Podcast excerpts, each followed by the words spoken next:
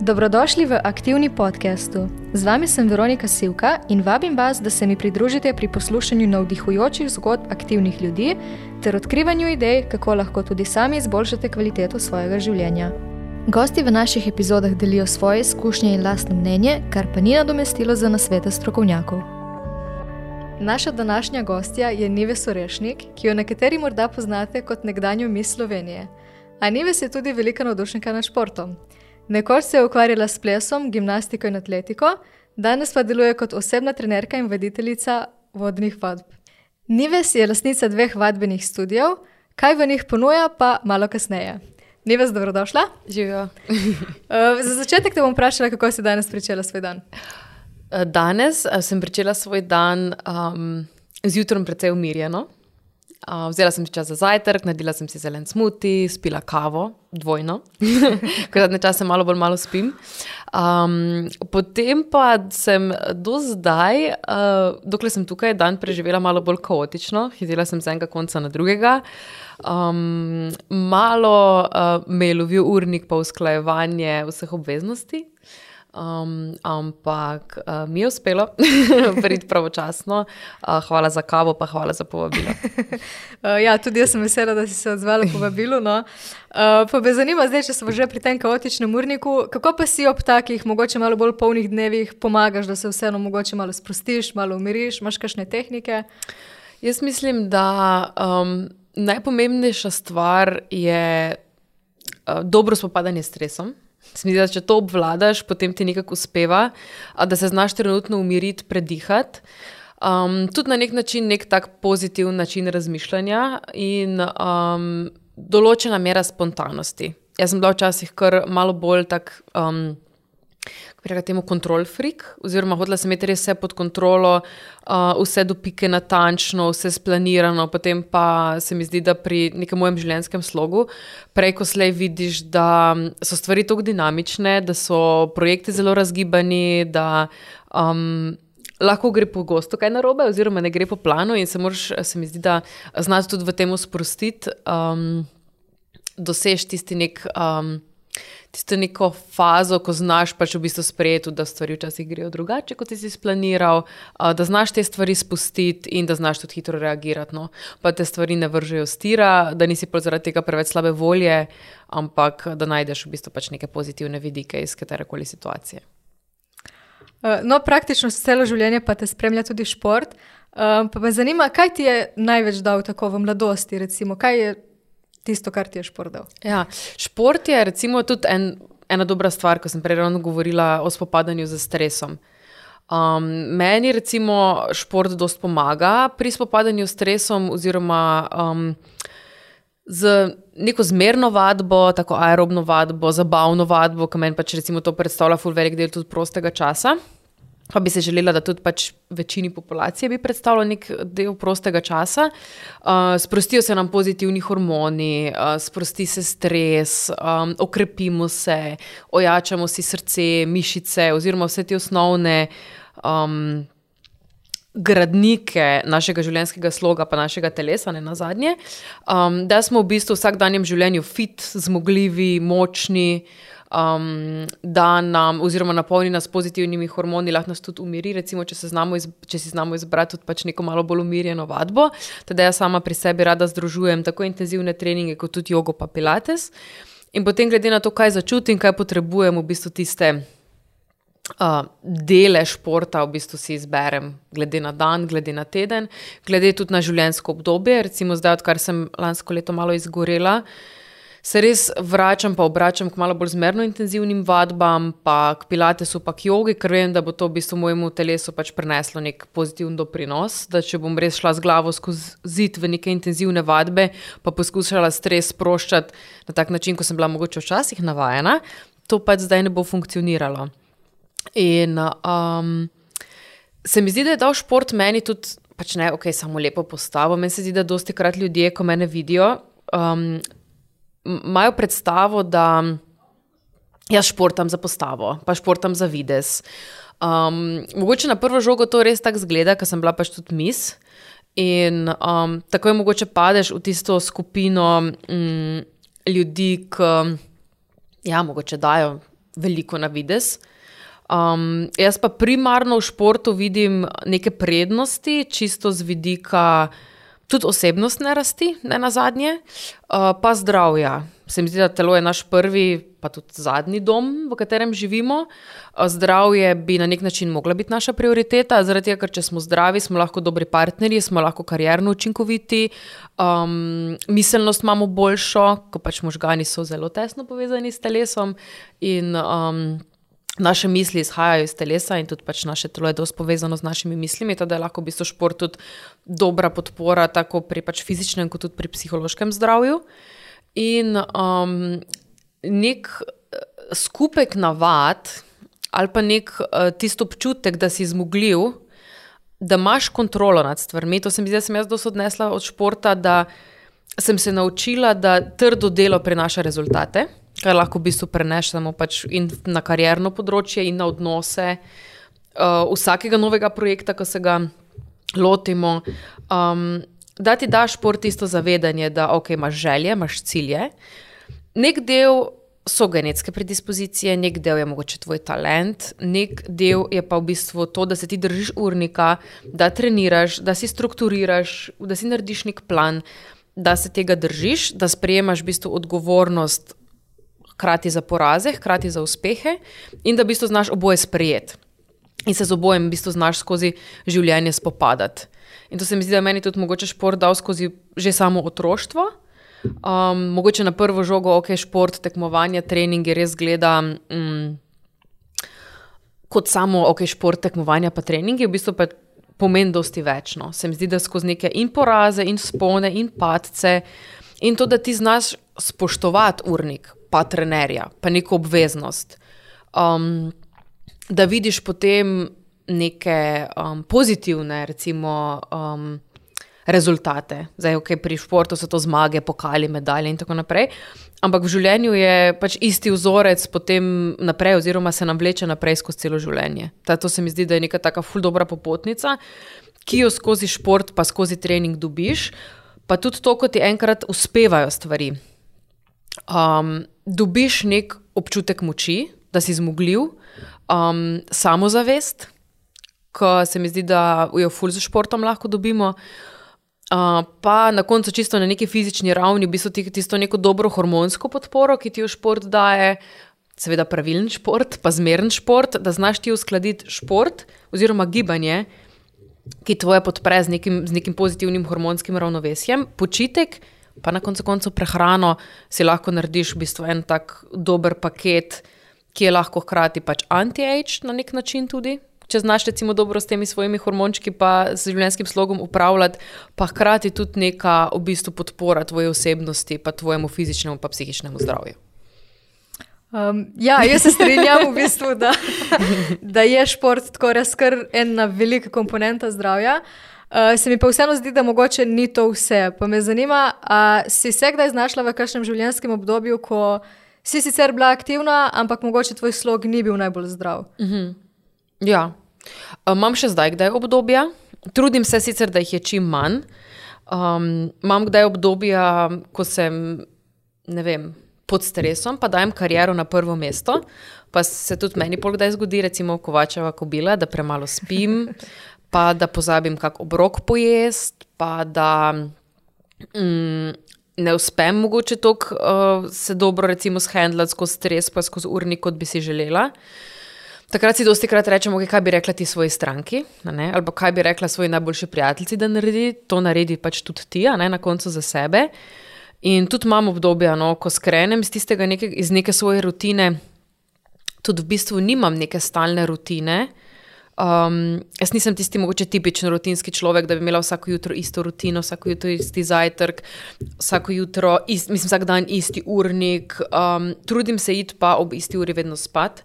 Zadnja leta ne odstopam več od pač zadostne količine počitka pa spanca. Um, pa v bistvu poskus, poskušam si, ne glede na to, kako imam urnik um, da telesu zagotovim tiste osnove, ki jih potrebuje. Torej, ok, ne morem jaz doma, poskusim pa na terenu potem nekje pač zbrati tiste neke zdrave obroke. Pa zavedam se, da pač, ok, tudi če skrenem, tudi če imam obdobje stresa, pa mi pa še nekvalitetna hrana. Pa mogoče posežem po neki, okay, um, kaj, bi, kaj bi bila kot za comfort food slovenska beseda, tolažbe, hrana ja, za tolažbo. Tako nekako. Tak, okay, ja. Ker nam vsem včasih pa še malo sladkor, pa kakšna hitra hrana, pa tako naprej, ampak pač res si dam ok en dan, dva dni, pol je pa dovolj. Pol je pa treba iti pač spet nazaj na neko pač zdravo rutino. Uh, in se vsakič spomniti, in jaz sem še zdaj te dialoge s sabo, pač ni ves, moreš nazaj na zdravo, ker to pač bo najboljše za tebe. In to je pač tisto, kar je najboljše za tebe, ne glede na to, kaj se ti v tem trenutku zdi, koliko ne zmoreš, če se boš odločila za svoje tiste prave prioritete, za zdravje, zdravo prehrano, gibanje, ti bo telo pa energija ti jo pač povrnilo, to odločitev. No. Da vedno se na tak način zmotiviram. Rabiš pa se mi zdi, da konstantno skozi celo življenje opomnike. No. Ni da pač kar tisti ljudje, ki smo fit, nam je pa vse lahko, pa imamo dobro genetiko, pa nimamo spolno popacov, ampak se mi zdi, da znamo zaupati um, in verjamemo, da konsistentnost skozi daljše časovno obdobje je pač ključna. No. Ne toliko tista motivacija, pa perfekcija, kot mali koraki, pa neka konsistentnost, mogoče 50% na obdobju, ne vem, več let, 10 let, 20 let, 50 let, mogoče 50%, 60% truda, kot par mesecev, stoprocentne perfekcije, potem pa, ki je ne moreš držati, obupaš in je spet, ne vem, par mesecev ali pa par let. Ni te konsistentnosti. No. Ta se mi zdi, da neka konsistentnost je ključ do pač nekega dolgoročnega uspeha. No, danes pa to svoje znanje deliš tudi z drugimi. Uh, uh -huh. Kako pa to, da si se odločila za poklic osebne trenerke oziroma voditeljice? V bistvu čisto na ključno. Um, Sicer sem že od nekdaj povezana z športom, uh, kot otrok sem bila malo bolj hiperaktivna. pa naj je pol za sestro mama hitro v bistvu vpisala v neko telovadbo, potem kasneje v gimnastiko. Um, in sem tudi v bistvu skozi osnovno pa srednjo šolo pač trajala pri športu. Uh, v srednji šoli sem sicer upustila bi se ta tekmovalni del oziroma tekmovalni šport. Um, gimnastiko, pa akrobatiko sem pol mogoče v času, ko sem prihajala v puberteto, že videla kot mogoče ne najboljši šport za mene. Potem tudi strani staršev je bilo v bistvu več podpore šoli, kot pa nekemu profesionalnemu športu. Um, Zdaj, potem nisem odločila za nek v bistvu, tekmovalni šport, uh, sem šla pa potem rekreativno skozi srednjo šolo, pa skozi faks iz akrobatike, atletike, malo v ples. In potem sem študirala slikarstvo, ker je bila to moja želja v bistvu od malega. Pač sem sebe vedno videla kot športnico ali kot slikarko.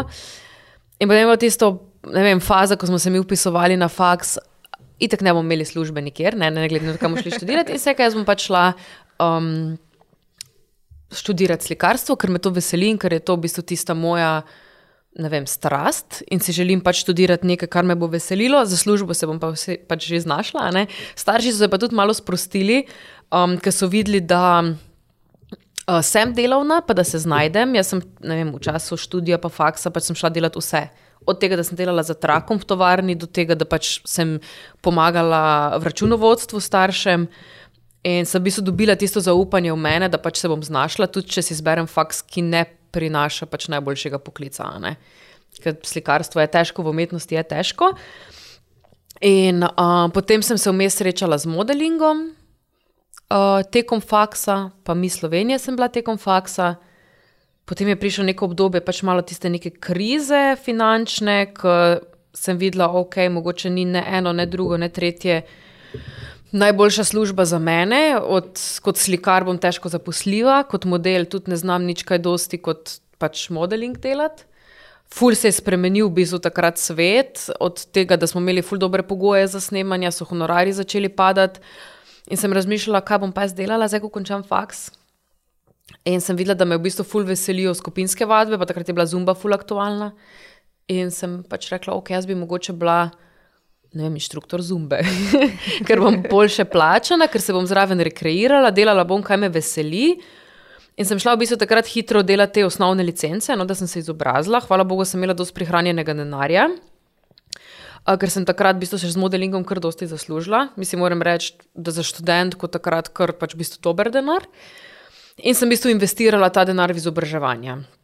Je prineslo to kompromis, da sem mogla vse vikende ure in ure sobote, nedelje pač presedeti na, na predavanjih in na usposabljanjih. In, um, sem bolj v bistvu skozi ta predavanja ugotovila, da me to ful zanima. In da bi se rada še bolj poglobila, kot sam pač v bistvu nekaj vodenja, nekih pač ne vem, malo skupinskih vadb. Da bi se rada še bolj poglobila, še več naučila, fasciniralo me je v bistvu pač, pač neka ta teorija v bistvu o telesu, kaj lahko vse sami naredimo za svoje zdravje. In me je v bistvu zajela tista neka strast, ok, jaz zdaj vidim, koliko lahko v bistvu sama naredim z neko preventivo. Da bom čim dalj časa v bistvu zdrava, zmogljiva, srečna, zadovoljna in da bom rabila čim manj zdravnikov, da bom čim manj bolana in da imam v bistvu ful nekih teh orodij pa moči v rokah sama. In to je bilo meni eno tako odkritje, ker sem rekla, kar ok, pač je to. Jaz, če bom te stvari, mislim, obvladala, pa, pa koliko v bistvu stvari lahko jaz sama vplivam na sebe, zakaj ne bi. In da v bistvu imaš ful stvari v rokah, oziroma ful nekih niti v rokah, in nisi čisto odvisen samo od okolice. No? Pač, ko imamo danes občutek, da, nas, da, da ogromno v bistvu okolica nam, nas usmerja. Um, sem jaz v bistvu videla v tej teoriji, pa v športu, pa v celostnem pristopu do telesa, da lahko z nekimi urodji, pa s pravimi odločitvami, ful sama vplivam na sebe. In sem si tudi pol zbrala sklop ful različnih vadb, ker sem videla, da moram celostno pristopati do svojega telesa. Sam intenzivna vadba pomeni za kariero pač ful neko slabo naložbo, ful poškodb. In um, kompleksno znanje bo mene v bistvu naredilo v trenerja, da bom lahko pomagala ljudem, oziroma skoraj komorkoli, ki bo prišel k meni. Nekomu, ki bo imel bolečino v križu, nekomu, eni ženski, ki bo noseča nekomu, ki bo brez noge, nekomu, ki bo brez roke. In vsakemu bom jaz lahko s tem kompleksnim znanjem pomagala. In sem se ful v bistvu začela celostno izobraževati, in pol me je v bistvu sam proces v bistvu pripeljal do tega, da pač nisem slikar in da sem zdaj trener. Imam pa mogoče zdaj še vedno željo, ker se mi zdi, da vsak človek rabi nekaj za pač, psiho, nekaj za mentalno zdravje, nekaj za telo. In da vsak lahko v pač, neki ne vem, področju umetnosti prostega časa najde nekaj za sebe, kar mu v bistvu dušo napolni, ali je to glasba, mm. ali je to gledališče, ali je to slikanje, ali je to ustvarjanje. In vsak rabi pač za telo, oziroma za fizično zdravje nekaj, zdaj, ali je to fitness, ali je to pilates, ali je to odbojka, ali je to košarka, pač nekaj, nekaj, da se v bistvu to boje drugo lahko ful dobro povezuje in poklopi. In pač to sem jaz našla pri sebi in to si želim pač v bistvu razvijati tudi naprej. Uh, ja, tudi danes v bistvu tvoje vadbe so tako krpestre, no, bi rekla, dinamične, ker se mi zdi, da nudiš neke take elemente, ki mogoče niso jih vsakdanji. Uh, na tvojih vadbah so in elementi gimnastike, joge, pilatesa. Um, kako ti sploh uspe to vse združevati v neko smiselno celoto? Um, zdaj tako, jaz vidim mogoče pri nas, pri trenerjih, um, ali pa tudi, da imajo ljudje včasih tudi prepričanje, Da, ne vem, če si ti inštruktor joge, si sam inštruktor joge. Če si ti voditelj pilatesa, si sam voditelj pilatesa. Tisti trenerji, ki delajo bootcamp, delajo samo bootcamp. Recimo. Ali pa tisti, ki so osebni trenerji, so samo osebni trenerji. Um, jaz sem v bistvu prve dve leti ali pa tri leta svoje kariere, full časa namenila izobraževanju. Jaz sem si pač želela, da znam vse, pač, oziroma čim več.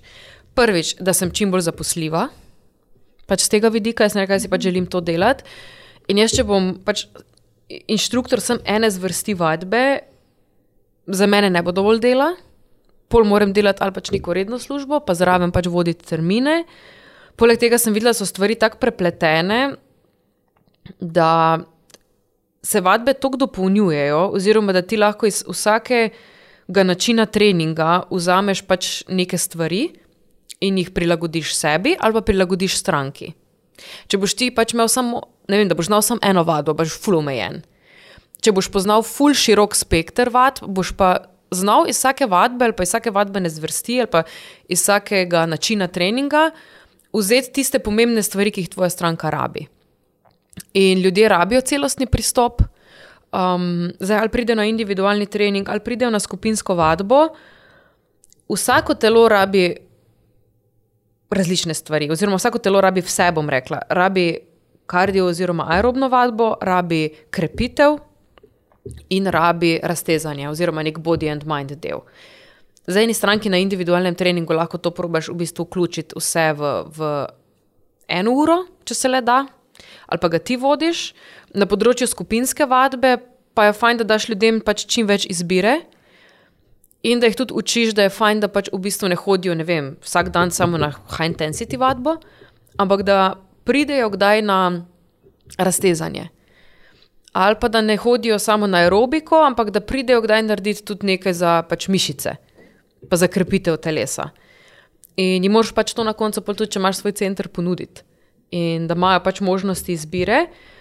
In kar si jaz želim, recimo, tudi predati strankam. Če imaš ti enkrat obdobje, vem, da vidiš, da si pod stresom, mesec, dva ali pa ne vem, ne zmoreš, te služba okupira, otroci ali pa zanosiš, ali pa karkoli, ali pa si ravno kar rodila, pač prideš neko drugo življenjsko obdobje. Zberi si druge vadbene programe. Ne ustrajati, pač, ali pa za en mesec, dva, pridi samo na pilates, pa na jogo. Pa potem greš nazaj, recimo na bootcamp ali pa na crossfit ali pa nekaj. Ali pa pridi, ne vem, samo za eno obdobje ali pa za pač neko, ne vem, par ur k nam v center, pa idi potem nazaj na neke druge vadbe ali prehaj iz enih športov na drugega. Tako se mi zdi, da mm, je kompleksnost pri nas in trendov, in ljudje imamo, uh, se naveličamo nekih stvari, nekih vadb. Um, tako se jaz sama pri delu in tako se pač ljudje, ki prihajajo, pa odhajajo. In se mi zdi neka ta širina, pa neka ponudba, uh, in da se znaš ti glede na trende, kar na koncu fit, ne glede na to, ali je fitness ali je fizioterapija ali o čem pač koli govorimo. Imamo različne trende in skupinske vadbe in fitness pač imajo neko mero animacije. Fiziologija se nam ni tako spremenila, pač mi bi s parimi osnovnimi vajami lahko naredili vse, ampak smo ljudje, ki nas neke stvari veselijo, ki rabimo pač neke novosti, pol pridejo neki trendi in jih pač moreš kot voditelj ali pa kot trener pač ukomponirati in jih strankam ponuditi. In se mi zdi, da če um, si hiter, pa da znaš ujeti trende, Um, da se sicer držiš in da si zvest pač strokovnosti, etiki, pa morali. Pač to, kar se mi zdi, da isto trenerja kot zdravnika zavezuje. Sam v trenerstvu se mi zdi, da nekako splošni tej trenerski sceni malo pozabljamo na to, je, je le ja. pač nek denar, pa zaslužek prioriteta.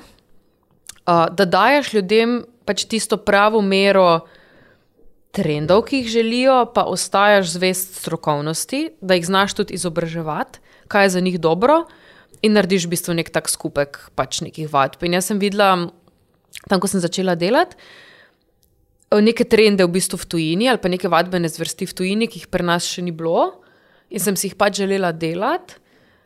In potem, ko pač niso bile mogoče dobrodošle, pa niso imele mesta na fitnesih, sem si pol pač neke vadbe, v katerih sem jaz videla pač velik potencial, začela pač ustvarjati oziroma jih razpisovati pač v svojih študijih. Na ena od teh so pač okay, klasične intervalne vadbe, je pilates, je fit yoga, uh, je fit bar, ki je mene ful pač v bistvu usvojil, uh, ki je v bistvu kombi kombinacija baleta, yoga in pilatesa. In je pač v bistvu nek skupek pa fitnesa. Um, neke zdrave krepitve, ki ni pod prevelikimi obremenitvami.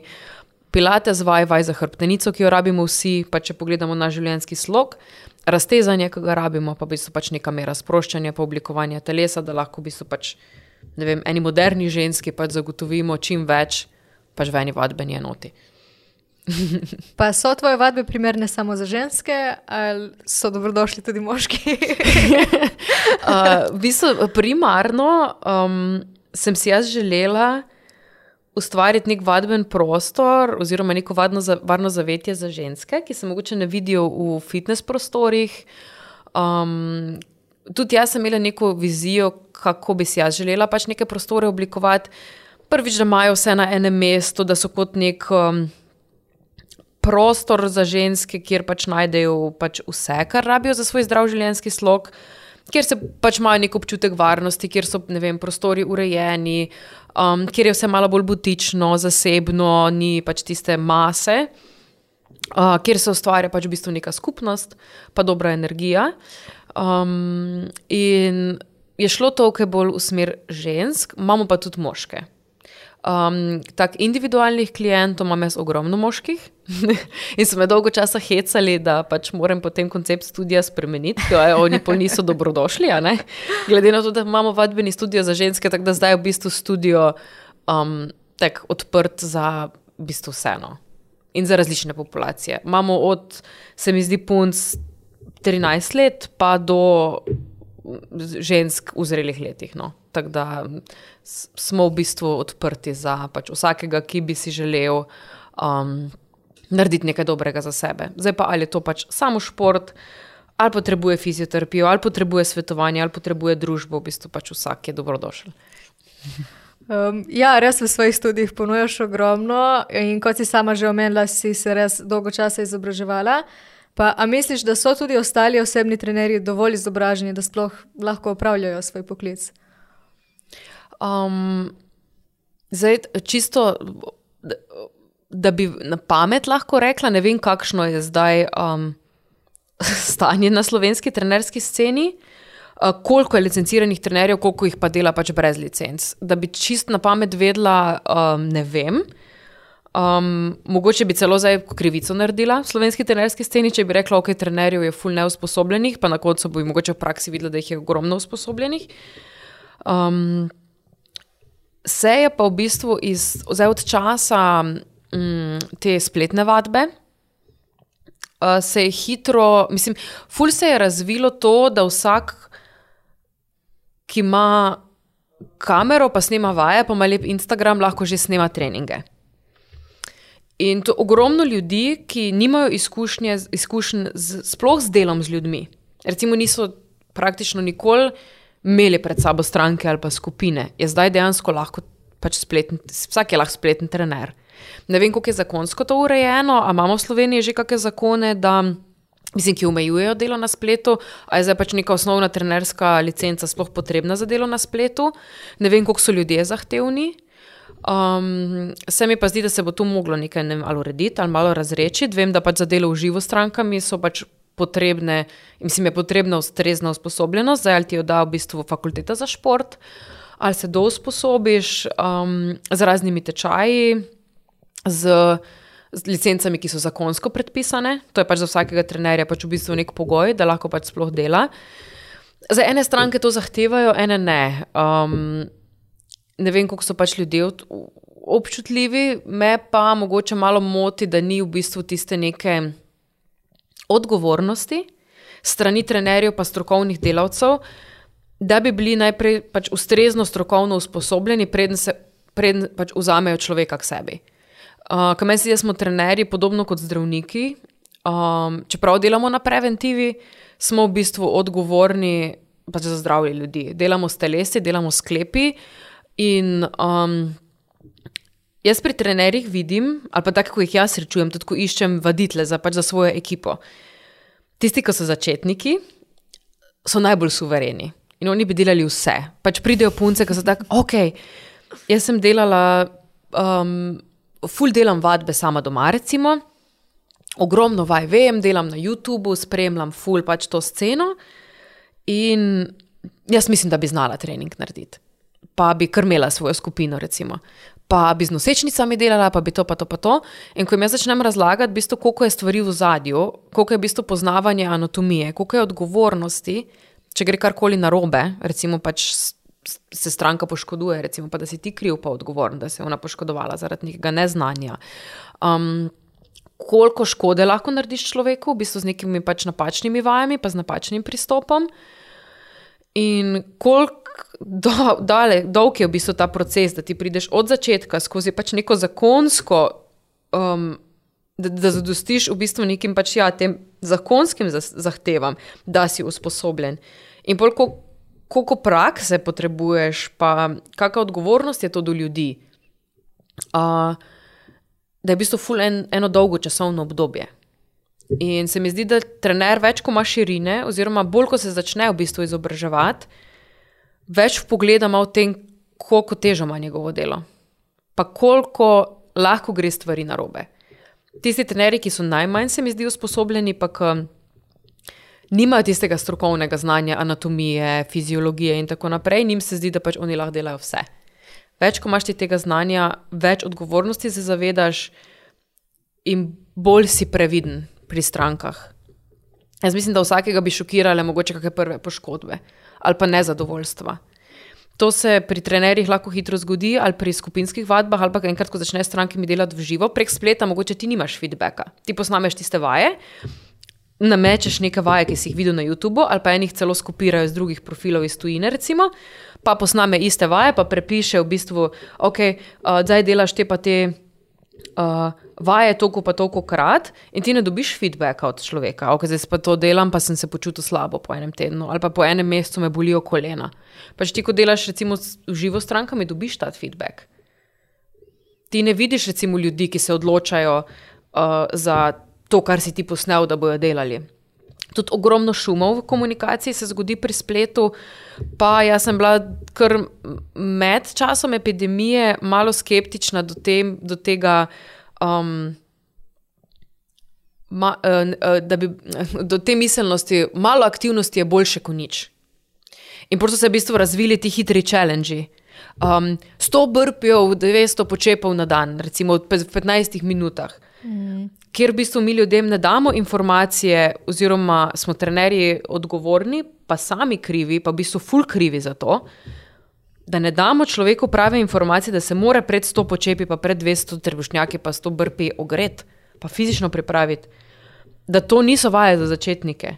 Pač koliko si lahko naredijo škode, koliko se lahko vnemajo pač vezi, pokajo sklepi, karkoli, koliko rabijo oni usvojiti neke najprej osnovne gibalne vzorce, koliko da 50 let stara ženska ali pa 60 ni pripravljena na tako vadbo, ker pač na koncu, kar daš ti na splet, lahko pač vidi vsak. In je full fajn se sliši, oh, da je dela, da je full motivacije, vsi bomo lahko, vsi zmoremo, to je full super. Sam dejstvo, da ni vse za vse, pa da niso vsi ljudje na isti stopni, pa da smo mi dolžni dati ljudem v bistvu pravilne informacije, je pa v bistvu nekaj čez drugega. Ne? In se mi zdi, da so ljudje tudi zmedeni um, v tej poplavi informacij. Jaz, da bi šla gledati na splet, se skoraj ne bi vedela, pač, kakšen trening bi si izbrala. In tudi jaz vidim punce, ki prihajajo, pa ja, jaz bi si bolj rada izoblikovala telo, pa delam jogo. Pa jaz pa rečem, ja, ne delaš prave vadbe. In zgubljajo čas, in poskušajo, in zgubljajo motivacijo, zaradi tega, ker ne znajo v bistvu zbrati pravih programov, glede na svoje cilje, glede na svojo starost, glede na svoj izhodiščni, v bistvu izhodiščno stanje pa nimajo mogoče tistih pravih, korektnih informacij, ker na koncu s temi se mi zdi instant.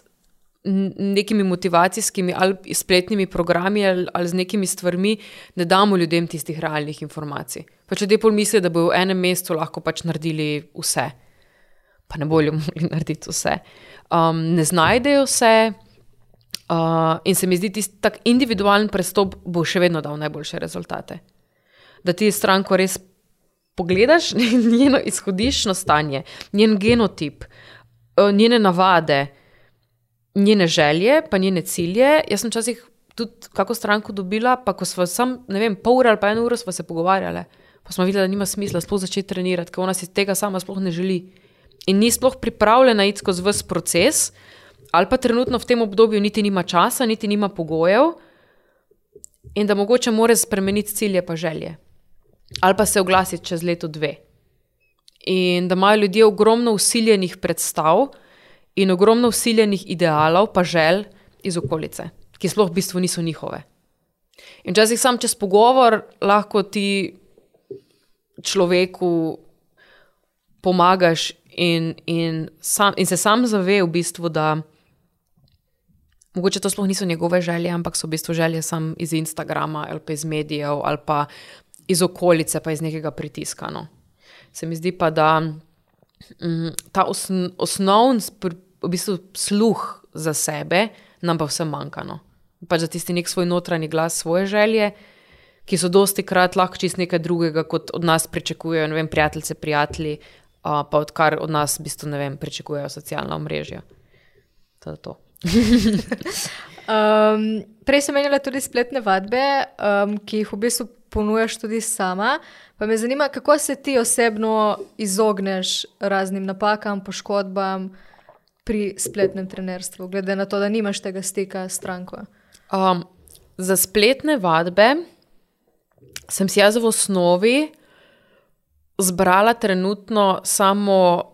Pilates, pa podobne vadbe, ki so dovolj preventivne, pa varne same po sebi, da ni velikih obremenitev, ni nekih sunkovitih gibov in ljudje, ki, ki si jih bojo zbrali, um, imajo v bistvu najmanjši riziko, da pač gre karkoli narobe. Se mi zdi, da gre za to v bistvu počasne, kontrolirane gibe, za to jasno uh, možnost podajanja navodil in variacij. In nosijo v bistvu tudi sporočilo neke um, varne vadbe, uh, da jih lahko v bistvu vsi izvajajo. Pa bojo v bistvu še vedno neki pač v bistvu varni coni. No. Um, jaz imam tudi zelo rada intenzivne vadbe, pa tudi imam rada poskoke, pa imam rada hit, pa vse, ampak um, se mi zdi, da lahko podamo, ok, to je za začetnike, to je pa za napredne vadeče. Pač to jaz lahko ljudem podam, sem jaz eno ne bom stranke videla, a pač ona to dela prav ali ne. Mm. Pa jaz tudi vidim na skupinskih vadbah isto in mislim, da je pri spletnih vadbah isto. Jaz lahko pač rečem, to je za začetnike, to pa za napredne vadeče, ampak bo pritisk trenda, pa vseh ostalih trenerskih informacij in toliko ostalih trenerjev, ko bo pa ljudem vbijalo v glavo, da hit je najboljša stvar, da najhitreje shujšajo, bo ena začetnica ne bo vzela začetniške stopnje, ampak bo vzela napredno. Samo zato, ker si bo želela pač hitre rezultate, ker so brpi kul, cool, pa ker je nek drug trener rekel, da brpi je lahko ona dela. In jaz sem tak tip, ne vem, človeka, ki sem zdaj tudi skozi leta videla, da ne morem čez neka svoja uh, pač osnovna načela in ne bom mirno spala. in bi rada bila čim, pa, pač čim bolj korektna. In ne, ful težko rečem, ok, jaz sem dala te stvari na splet, zdaj pa če jih ljudje ne bojo si napačno interpretirali, pa sami zbrali napačne stvari, pač to ni moja odgovornost. Ne morem čist preko tega, in, in se mi zdi, da pač hočem dati res kvalitetne informacije od sebe, mm, tiste najbolj v bistvu pač konkretne, pa realne informacije, no, uh, strokovne, in da je tudi del odgovornosti na meni. No. Pa da ni vse pač samo v bistvu ta. To hlastanje po zaslužku, um, ki se mi zdi, da trenerski uspeh ni samo pač to, da obogatiš, ampak tudi to, da daš v bistvu ljudem neke konkretne informacije oziroma korektne informacije uh, in da se deliš, držiš v bistvu neke osnovne integritete. In mogoče podobno kot zdravnik, da imaš nek višji namen, no. oziroma da imaš poleg pač denarja, pa zaslužka, pa ok, full hude karijere, um, še nek bistvu, neko više poslanstvo. No. Um, ja, zdaj se mi mogoče, kot si že prej omenila, da je res ena poplava treningov, zdaj sploh spletnih.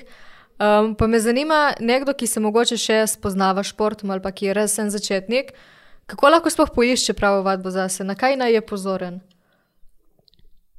Jaz bi vsakemu začetniku priporočala, da si individualni posvet, pa enega strokovnega trenerja ali pa strokovnega svetovalca, lahko tudi preko spleta.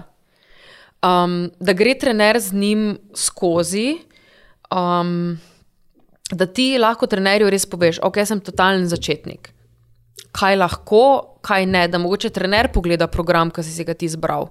Pa da pač res riskiraš tistih, ok, par deset evrov, pa daš jih enemu svetovalcu in da ti mogoče on pomaga zbrati tiste ta prave stvari. Mu pošleš, ne vem, jaz bi delal po YouTubu to pa to, a je to ok, pa on pogleda. Pa si mogoče vzame čas, pa reče, ok, um, to pa to bi bilo boljše, to pa to je za tebe. Um, ali pa mu pošleš nek vadben program, Pa on reče, ok, to vajo ne, pa ti jo prečrta, pa ti delaš za začetek to. In boš, ko boš mesec, dva, takrat boš pripravljen na to. Da nekdo s tabo v bistvu pregleda te stvari, pa jih v bistvu tebi prilagodi. No. Mogoče neka, neka taka varianta. Ali pa začetniki, da se začetniških vad držijo. Čeprav jaz včasih ne vem, prej še niti ni bilo tega. Ampak jaz včasih gledam vem, na Instagramu ali pa kje pa gledam neke vaje. Pa je recimo Pilates workout for beginners, pa so take vaje, ki niso ne Pilates, pa ne for beginners. Ali pa gledam, ne vem, nek advanced, uh, ali pa ja, ne vem, hit workout for beginners, ali pa ne vem, po, slovenščini, vadba za začetnike, ali pa Pilates vadba, pa ni ene Pilates vaje not. In Si bolj mislim, ok, boga ženska, ki sam to gleda, pa ona zdaj misli, kako bo delala Pilates, pa, pa ker ona ve, kaj je Pilates, je obljubljena boljša hrbtenica, boljša trebušna stena, um, simetrija, mogoče se bo tudi uspela rešiti nekih poporodnih težav, aktivirati medenično dno in kontinence in tako naprej, ampak delava pa nek visokointenzivni fitness trening. In pač je dobila neko v bistvu čist napačno informacijo. Da če bi ona mogoče poiskala pač nekega svetovalca, pa mu poslala, kaj si ona želi delati, bi on rekel, ok, tu imaš napačno informacijo, to sploh ni to, kaj si ti želiš. In če boš izbrala to pa to, boš dosegla svoje cilje.